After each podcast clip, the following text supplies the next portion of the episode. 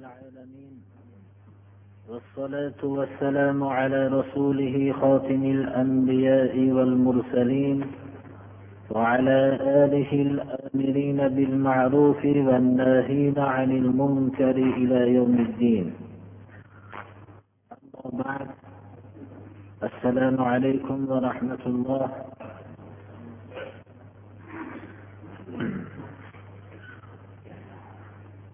Qur'oni karimdan davom etayotgan darsimiz avvalgi namozi jumada oyatul kursiyni dars qilib o'rgangan bo'ldik.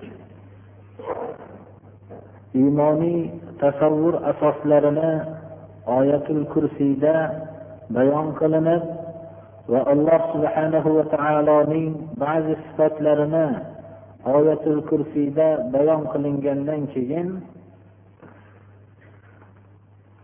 mo'minlarning o'zlari aqidani yetkazishlikda bo'lgan yo'llari nima ekanligini bayon qiluvchi oyat keladi استعيذ بالله لا إكراه في الدين قد تبين الرشد من الغي فمن يكفر بالطاغوت ويؤمن بالله فقد استمسك بالعروة الوثقى لا انفصام لها والله سميع عليم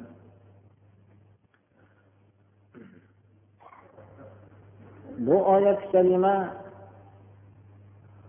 alloh subhanahu va taolo insonni mukarram qilganligi va hamda uning iroda va fikriga va uning his tuyg'ulariga hech qanday bir inson hukmronlik qilishlikka haqqi yo'q ekanligini bayon qiladi. Ya'ni oyatning qisqacha mazmuni dinda bir kishini e'tiqod tanlab olishlikda hech qanday majburlik yo'q. Alloh subhanahu va taolo tarafidan kelgan islom eng oliy tasavvurni eng oliy qonunni olib keldi. Bu qonun insonlarning hammalarini quloqlariga eshitilingan bo'lishligi kerak. Eshitilingandan keyin ular qaysi aqidani tanlab olishlikda islom ularni hech qanday majbur qilmaydi.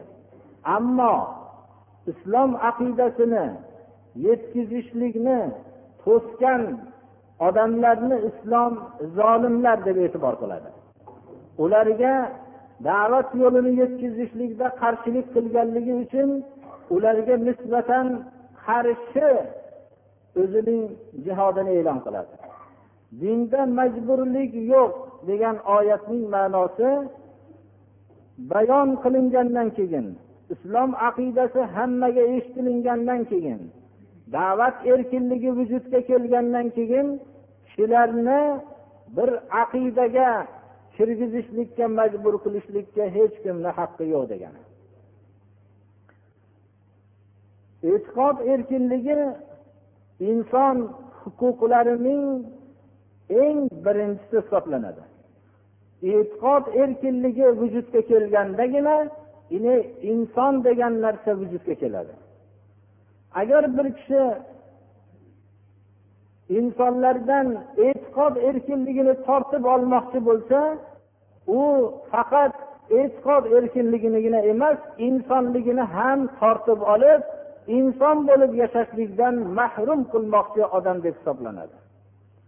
Hozirgi zamonlarda ham inson huquqi haqida hamma olamda jar solinyapti ammo e'tiqod erkinligini insonlarga yaratib bermasdan turib inson huquqi haqida gap bo'lishligi mumkin emas birodarlar. Inson huquqining eng birinchi safida e'tiqod erkinligi turmoqligi kerak. Mana bu e'tiqod erkinligini odamlar inson huquqi haqida o'ylamasdan hech hayollariga kelmagan vaqtda islom dini alloh subhanahu va taolo tarafidan mana shu huquqni bergan. E'tiqod erkinligi islomda mana bu oyat ifodalayaptiki dinda bir kishini e'tiqodotga shu e'tiqodotda yashashga majbursan deb majbur qilishlik yo'qdir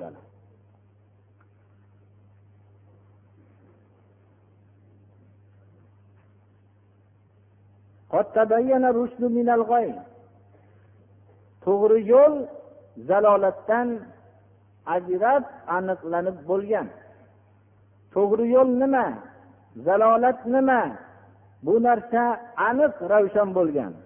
Iymon inson uchun maqsad qilishligi kerak bo'lgan va haris bo'lishligi kerak bo'lgan to'g'ri yo'ldir.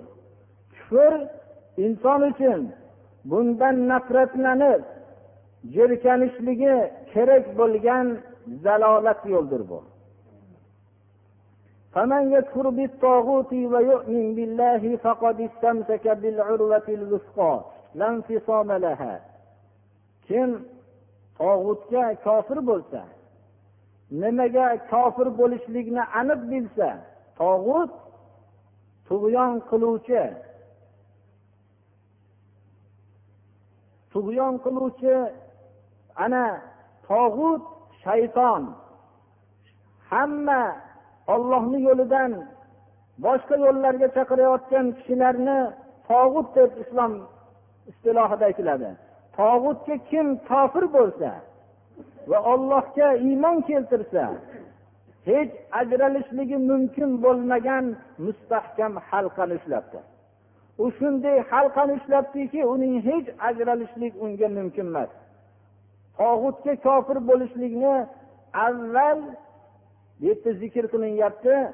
Inson nimaga kofir bo'lishlikni yaxshi bilmoqligi kerak. O'zini yaratuvchisiga kofir bo'lishlik hech mumkin emas. Bu insonning sha'niga noloyiq narsa. Insonga hamma nozi ne'matlarni bergan va insonni mukarram qilgan zotga kofir bo'lishlik mumkin emas edi. Ana kofir bo'lishlikni nimaga bo'lishligini inson yaxshi anglab olishligi kerak. U shaytonga kofir bo'lishligi kerak. Kim shaytonga kofir bo'lib ollohga iymon keltirgan bo'lsa ajralishligi hech mumkin bo'lmagan mustahkam halqani ushlabdi. Vallohu samiun alim. Olloh insonlarning til bilan o'zlarining iymonlarini e'lon qilinishligini eshitib turuvchi va u tillari bilan ifodalangan iymon haqiqiy qalblaridan chiqyaptimi yoinki soxta suratda chiqyaptimi buni bilib turuvchidir mana. Vallohu samiun alim oyati iymon til bilan til bilan ifodalab qalb bilan tasdiq qilishlikka zimdan ishora bo'lyapti. Olloh insonlarning til bilan iymonlarini e'lon qilishligini eshitib turuvchi va shu e'lonlari haqiqiymi haqiqiy emasmi buni qalblarida qanday holat bo'lishligini bilib turuvchidir.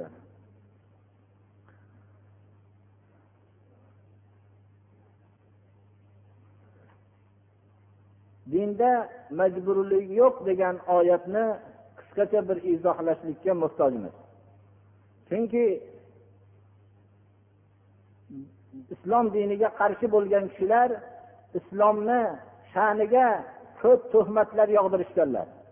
Ular islomning go'yoki kelishligi bir qo'lda qilich ikkinchi bir qo'lda qur'onni ushlab qur'onni qabul qildingmi? Qabul qilmasang shu qilich deb ko'rsatib shunday qilib odamlarni zo'rlab islom aqidasini qabul qildirganlar deyishadilar. Bu mutlaqo islomga begona tushuncha.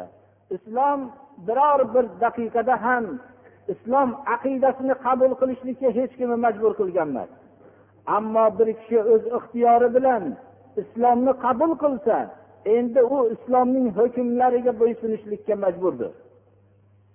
Islom aqidasini qabul qilishlik ixtiyoriydir tarixdagi islomning jihodlari hammasi agar tarixga nazar tashlaydigan bo'lsak birinchi islom jihod qilgan makka mukarramada xalqlarni ixtiyorlari bilan iymon qabul qilgan kishilarning e'tiqod erkinligi bilan islom e'tiqodini qabul qilgan kishilarning tamomiy ustlarida fitna yog'dirilib ularni dindan fitnalanishlik uchun qattiq kurashgan kishilarga jihod e'lon qilgan va dindan fitnalanishlikni bu qatldan ham qattiq narsa ekanligini e'lon qilgan.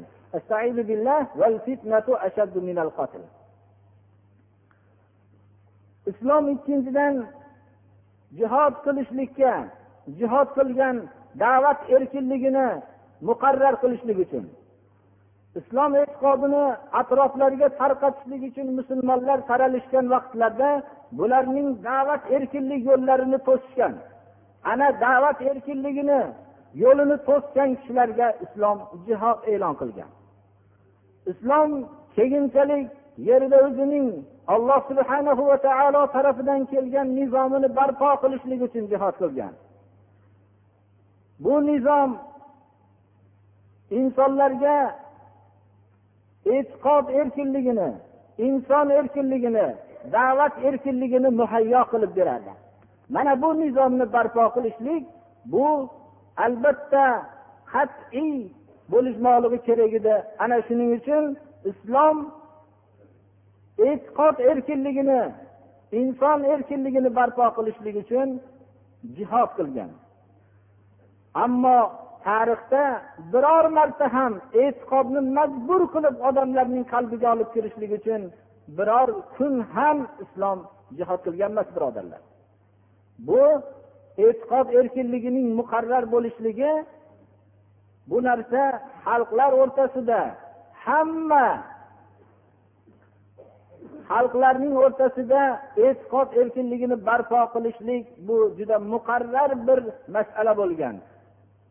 Shuning uchun ham bizga bu hujjat bo'ladiki islom diyorlarida kishilarning boshqa g'ayri dinlarning boshqa dinga mansub bo'lganlarning butxonalarini buzilmasdan hozirgi davrgacha kelishligi islomda e'tiqod majburligi yo'qligini yaqqol misoli bo'ladi mana.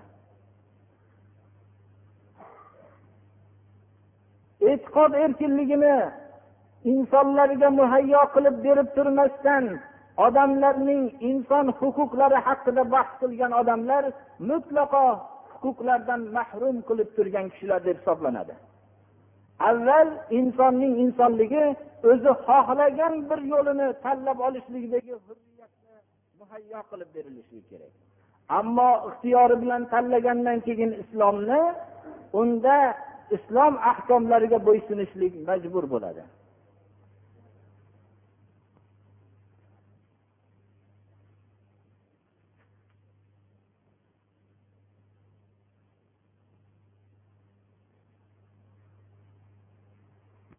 ولي الذين آمنوا يخرجهم من الظلمات إلى النور والذين كفروا أولياؤهم الطاغوت يخرجونهم من النور إلى الظلمات أولئك أصحاب النار هم فيها خالدون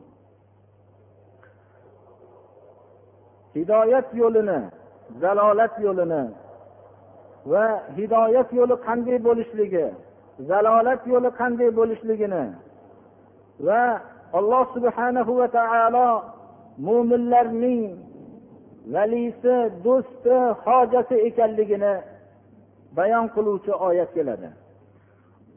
Alloh subhanahu va taolo allohu amanu olloh mo'minlarning do'sti hojati deb e'lon qiladi. Mo'minlar uchun bu nihoyatda bir takrim sharaf bu.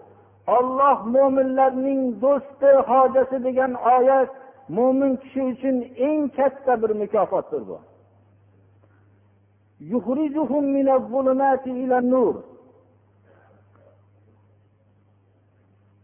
Alloh subhanahu va taolo mo'minlarning do'sti hojasi ularni zulmotlardan nurga chiqaradi. Iymon nur tabiatida ham nur haqiqatida ham nur. Kufr bitta zulmot emas balki zulmot ko'p. Turli zulmot hammasi turli bo'lishligi bilan birga kufr zulumotdir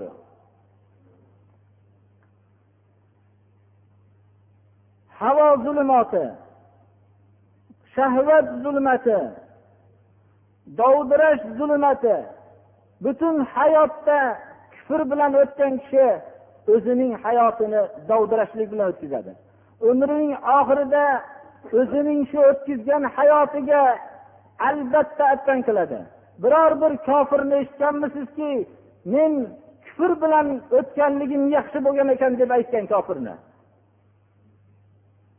Tug'yon zulmati kibr zulmati zaiflik zulmati tashqi muhitdan kelgan ta'sirlar oldida zaif xor bo'lib qoladi. Chunki ishonadigan mustahkam suyanchiqqa suyanmasdan yashaganligi uchun.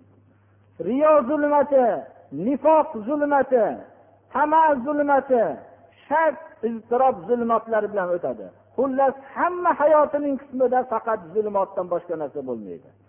Alloh subhanahu va taolo mo'minlarning hojasi do'sti ularning zulmotlardan shunday ko'p zulmotlardan iymon nuriga qo'llaridan ushlab olib chiqadi. Kofirlar ularning do'stlari tog'ut shayton. Ularni do'stlari nurdan zulmotlarga olib chiqadi. Shunday pokiza iymon nuridan zulmot hozirgi aytilingan turli zulmotlarga olib chiqadi.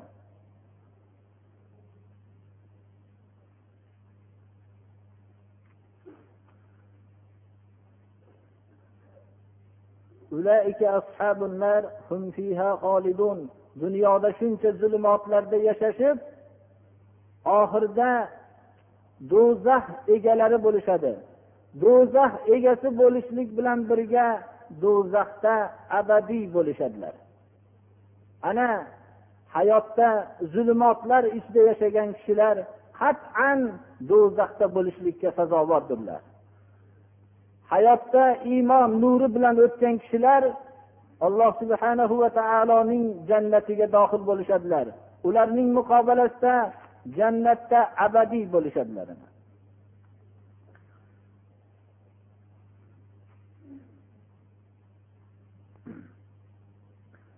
Navbatdagi oyatlarda alloh subhanahu va taolo bir mavzuni o'z ichiga oluvchi uchta oyatni bizga bayon qiladi bu mavzu hayot siri o'lim siri hayot haqiqati nima o'lim haqiqati nima mana bu narsani o'z ichiga oluvchi oyatlarni bizga xabar beradi ألم تر إلى الذي حاج إبراهيم في ربه أن آتاه الله الملك إذ قال إبراهيم ربي الذي يحيي ويميت. قال أنا أحيي وأميت.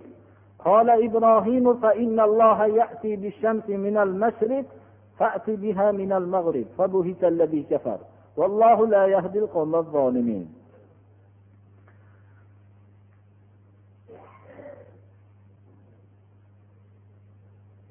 birinchi oyat ibrohim alayhissalom bilan biriga o'zlarining davrlarida o'tgan bir podshohning o'rtasida bo'lgan suhbatni hikoya qilib beradi.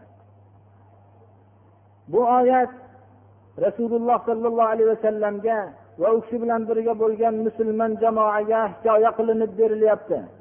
Va kelgusi mo'minlarga ular vositasi bilan hikoya qilib berilyaptiki ular bilan ham shunday hujjatlashib husumat qilishadigan zo'ravonlar bo'lishligi mumkinligini bildirdi shu vaqtda qanday munosabatda bo'lishliklarini alloh subhanahu va taolo xabarini beryapti. Bu muhovara suhbatni go'yoki har bir mo'minning ko'z oldiga keltirib bir ko'rinib harakatli manzara qilib alam tara ilallazi hajja ibrohima fi robbihi ko'rmaysizmiki ey muhammad alayhissalom ibrohim alayhissalom bilan rabbi tarbiyat kunandasi haqida hujjatlashib husumatlashgan bu podshohni. Odatda husumatlashish kambag'allik yetishmovchilik sababi bilan bo'lishligi mumkin edi. Lekin alloh subhanahu va taolo bunga mulk bergan edi buni podshoh qilgan edi shuncha mulk egasi allohga shukur qilishligi kerak edi. Bu shukur qilishlikni o'rniga bu ollohning ulug' payg'ambari ibrohim alayhissalom bilan hujjatlashdiki husumatlashib rabbi haqida men ham rabbingman deb husumatlashdi birodarlar. Bu mulkni berilgandan keyin ham rab taolo haqida husumatlashgan bu podshohni ko'rmaysizmi deb taajjublantirishadigan kalima bilan ifodalanyapti. Ibrohim alayhissalom aytgan soatni yodingizga oling ey muhammad alayhissalom. Ibrohim alayhissalom alloh subhanahu va taolo tarafidan hujjatlashlikda qobiliyat berilingan zotlardan edi. Ibrohim alayhissalom aytdilarki mening rabbim tiriltiradi va o'ldiradi. Tiriltirish o'ldirish har bir daqiqada takror bo'lib turgan alloh subhana va taoloning mo'jizasi. Bu mo'jizani har birimiz ko'rib turibmiz. Lekin har birimiz har bir daqiqada ko'rib turishlik bilan birga qanday bu o'ldirishlik bilan tiriltirish sodir bo'layotganligini sirini bilmayapmiz. Buni sirini tiriltirayotgan va o'ldirayotgan zot biladi. Ibrohim alayhissalom hech bir kishi sharik bo'lishligi mumkin emas bo'lgan sifat bilan rab taoloni tanitdi podshohga. Podshohning nomini qur'oni karim bizga zikr qilmayapti. Chunki podshohning nomini zikrini qilinishligi nomini bilishligimiz bizga hech qanday hidoyatni bag'ishlamasligi uchun. Shuning uchun biz ham qur'oni karimga ergashib biror bir sahih hadislarda nomlari zikr qilinmaganligi uchun biz ham nomini zikr qilmaymiz. Shuni bilamizki bu podshoh bo'lgan va ibrohim alayhissalom davrida o'tgan. Qola ana uhyi va umid. Lekin podshoh nodon edi. Yoyinki atrofidagi kishilarni nodonligidan foydalangan edi. Men ham tiriltiraman o'ldiraman deb davo qildi. Meni buyrug'im bilan kishilarni o'ldirishadi odamlar bu meni o'ldirishim deb bildirdi. Meni buyrug'im bilan o'limga hukm bo'lganlarni ozod qilinadi bu meni tiriltirishim deb davo qildi. Lekin bu yerdagi asli tiriltirish va o'ldirish bo'lgan sirni ibrohim alayhissalom ishora qilgan sirni anglamadi yo atrofidagi kishilarning anglab qolishligini xohlamadi. Ibrohim alayhissalom bunday nuktalik sirlarni fahmlashlikka noloyiq ekanligini bilganlaridan keyin hech qanday munozara qilishligi mumkin emas bo'lgan ochiq bir ravshan bo'lgan borliq kitobidagi varaqqa nazar tashlashlikka buyurdi قال إبراهيم فإن الله يأتي بالشمس من المشرق فأت بها من المغرب alloh subhanahu va taolo dedilar ibrohim alayhissalom oftobni mashriqdan olib keladi. Sen agar o'zingni tarbiyat kunandaman deb davo qilsang mag'ribdan olib kel dedi. Ana bu hech qanday munozarani davom ettirishlikka imkoniyati yo'q bo'lgan masala edi. Chunki fahmi nozik bo'lmagan kishilariga mazkur nuqtadan so'zlar bilan xitob qilishlik u fasohatdan emas edi birodarlar. Chunki hozirda ham moddiy falsafa bilan ulg'aygan kishilar bilan nuqtadon bo'lgan ishoralarni ko'rsatishlik ularning onglari faqat ko'rgan narsalarga ishonib uzoq davom etgan umr natijasida nuqtadon sirlar bilan ishora qilishlikka noloyiq bo'lib qolgan hozirgi odamlarning ko'pchiligi ham. Alloh subhanahu va taolo oftobni mashriqdan olib keladi. Sen davoingda sodiq bo'lsang mag'ribdan olib kel dedi. Bu munozara hech davom etishligi mumkin emas munozara edi. Kofir bo'lgan shaxs mutahayyir bo'lib hayron bo'lib qoldi. Chunki hayron bo'lmaslikni iloji yo'q edi. Ammo haqqa burilishdi. Inson qalbidan kibrni olib tashlashlikni havoni olib tashlashlikka muhtoj bo'ladi. U kibr havo o'zining podshohlik bilan g'ururlanishi odamlarning qul qilib olishlik xususiyatlarini olib tashlashligi unda bu xususiyat yo'q edi. Shuning uchun hayron bo'lishlikdan boshqa chora qolmadi. Ammo haqqa yo'llashnishi haqqa yo'llanishlik inson qalbidan havo kibr bu narsalarning olib tashlanishlikka muhtoj.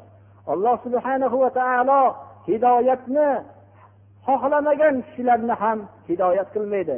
Hidoyat bunday arzon narsa emas. Hidoyat xalqlar tarafidan talab qilingandan keyin hidoyat alloh subhana va taolo tarafidan keladi. Bunday o'ziga zulm qilib aniq haqiqatni bilib turib islom yo'lini qabul qilmagan zolimlar bunday zolimlarni olloh bunday o'ziga zulm qilganlarni haq kelgan vaqtda haqni bilib turib javob aytolmasdan hayron bo'lib turib haqni taslim bo'lib bo'ysunmagan zolimlarni olloh hidoyat qilmaydi. Hidoyat bunday yalinib beriladigan arzon narsa emas birodarlar.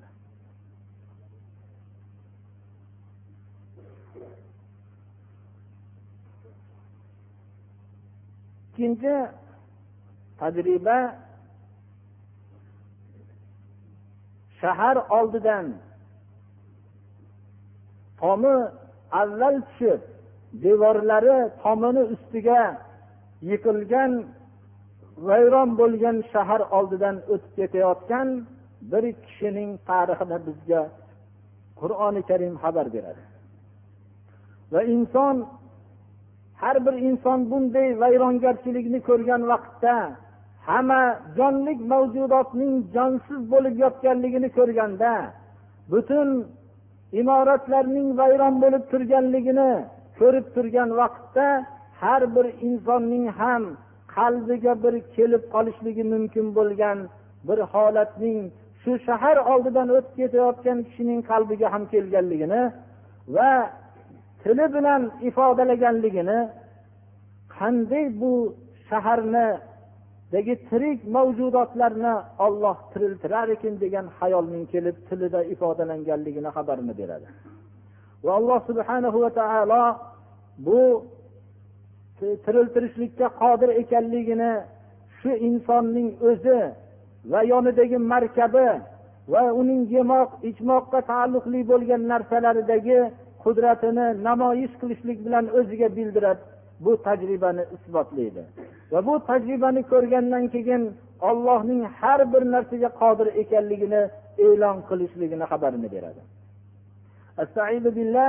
أو كالذي مر على قرية وهي خاوية على عروشها قال أن يحيي هذه الله بعد موتها فأماته الله مئة عام ثم بعثه قال كم لبثت قال لبثت يوما أو بعض يوم. قال بل لبثت مئة عام فانظر إلى طعامك وشرابك لم يتسنه وانظر إلى حمارك ولنجعلك آية للناس وانظر إلى العظام كيف ننشزها ثم نكسوها لحما. فلما تبين له قال أعلم أن الله على كل شيء قدير.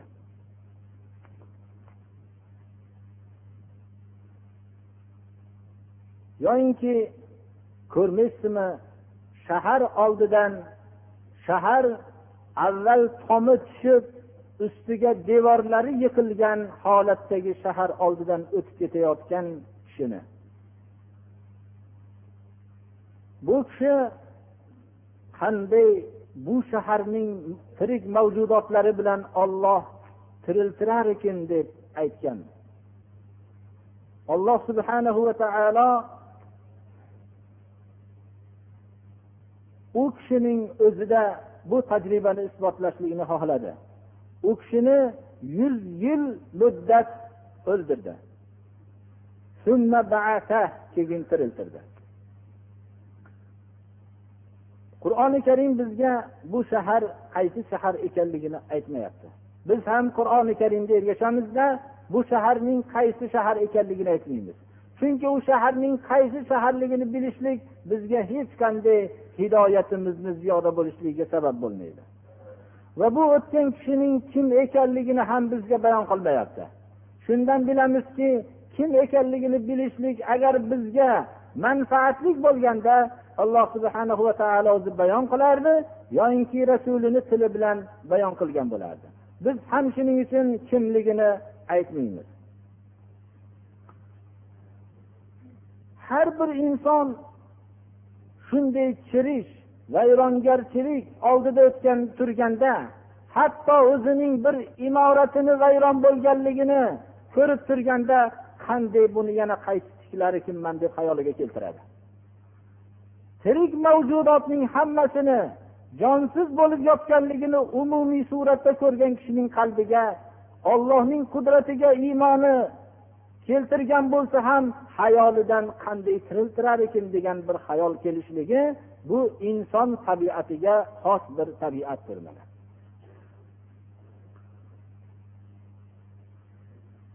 Undan tashqari iymoni kuchli odamning qalbiga bunday holatni kelishligi mavjudotning halok bo'lib turishligi juda ham qattiq suratga yetgandagina shu hayol keladi.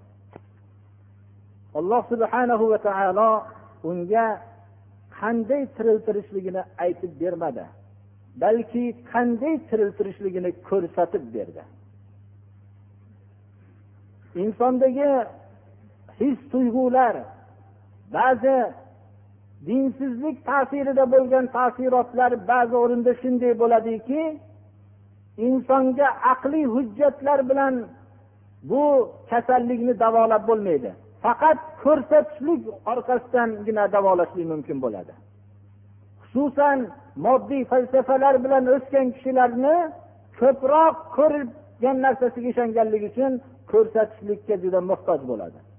Alloh subhanahu va taolo o'zida shu tajribani ijro qildi va yuz yil o'ldirdi.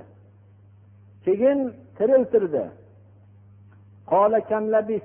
Tiriltirib qancha turding? Dedi.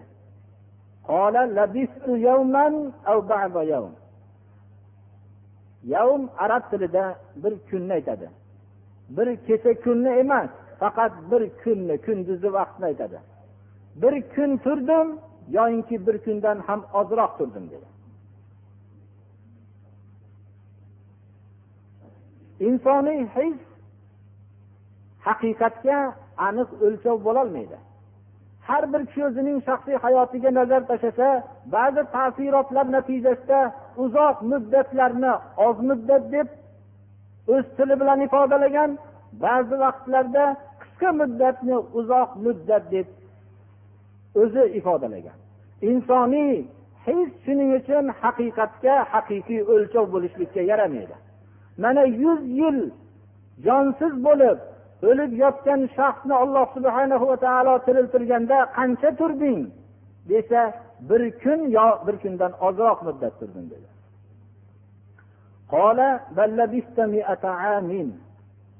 Alloh subhanahu va taolo aytdi balki sen yuz yil jonsiz bo'lib turding.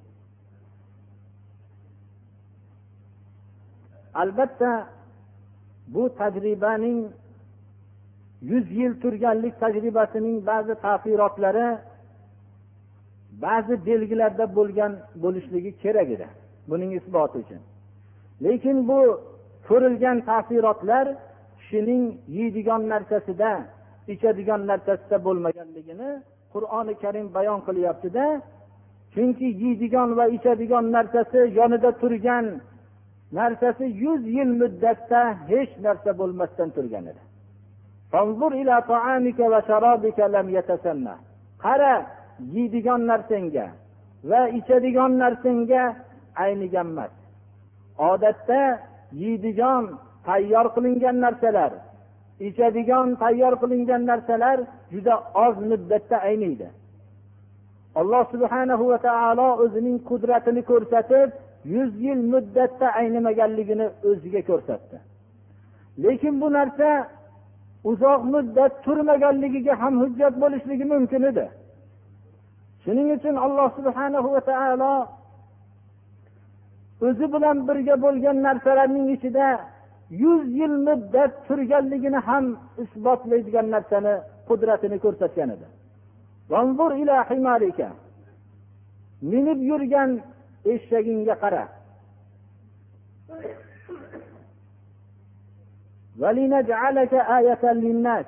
Seni odamlarga ibrat qilishlik uchun shu ishni qildik.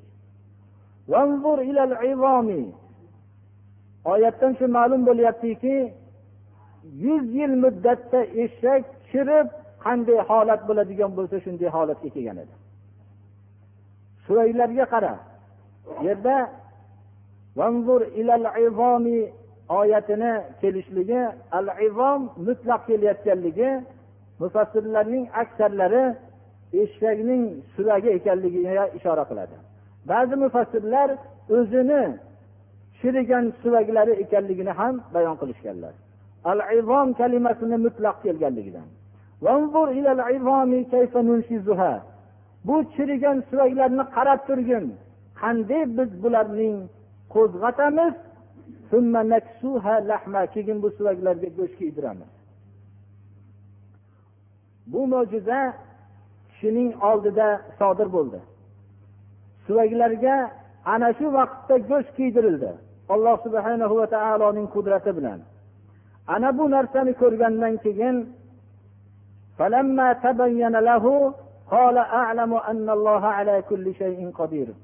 unga haqiqat ravshan bo'lganida aytdiki men ollohning har bir narsaga qodir ekanligini bilaman dedi. Birpasda ayniydigan narsalarni yuz yillab muddatda aynitmay qo'yishlikka qodir ekanligini bilaman. Chirib ketgan odatda yuz yilda ollohning sunnati asosida chirib ketgan suvaylarni bir daqiqada go'sht kuydirilib tirik mavjudotga aylantirishlikka qodir ekanligini bilaman dedi. Mana bu mo'jiza kishining ko'z oldida sodir bo'ldi. Buni sodir bo'lishligi har bir daqiqada har bir insonning oldida bu mo'jiza sodir bo'lmoqda. Har bir daqiqada o'zi insonlarning yashab turgan olamida mo'jizalar tinimsiz suratda sodir bo'lyapti. Lekin bu mo'jizalarni doim sodir bo'lib turishligi bizga bundagi mo'jizalik xususiyatini bizdan uzoqlashtirib qo'ydi. Oftobning har bir kunda chiqib turishlik mo'jizasi biz davomiy suratda ko'rganligimiz uchun buni mo'jizalik xususiyatini bilmaymiz. Daraxtlarning ma'lum bir fasllarda ularning daraxtlarini barglari qurib o'zlari mevasiz bo'lib ma'lum bir alloh subhanahu va taolo iroda qilgan soatda yana ularga avvalgi holatlarning qaytib kelish mo'jizalari davomiy takror bo'lib turganligi uchun biz buning mo'jizali xususiyatini bilmaymiz birodarlar. Tiriltirish va o'ldirish har bir daqiqada sodir bo'lmoqda.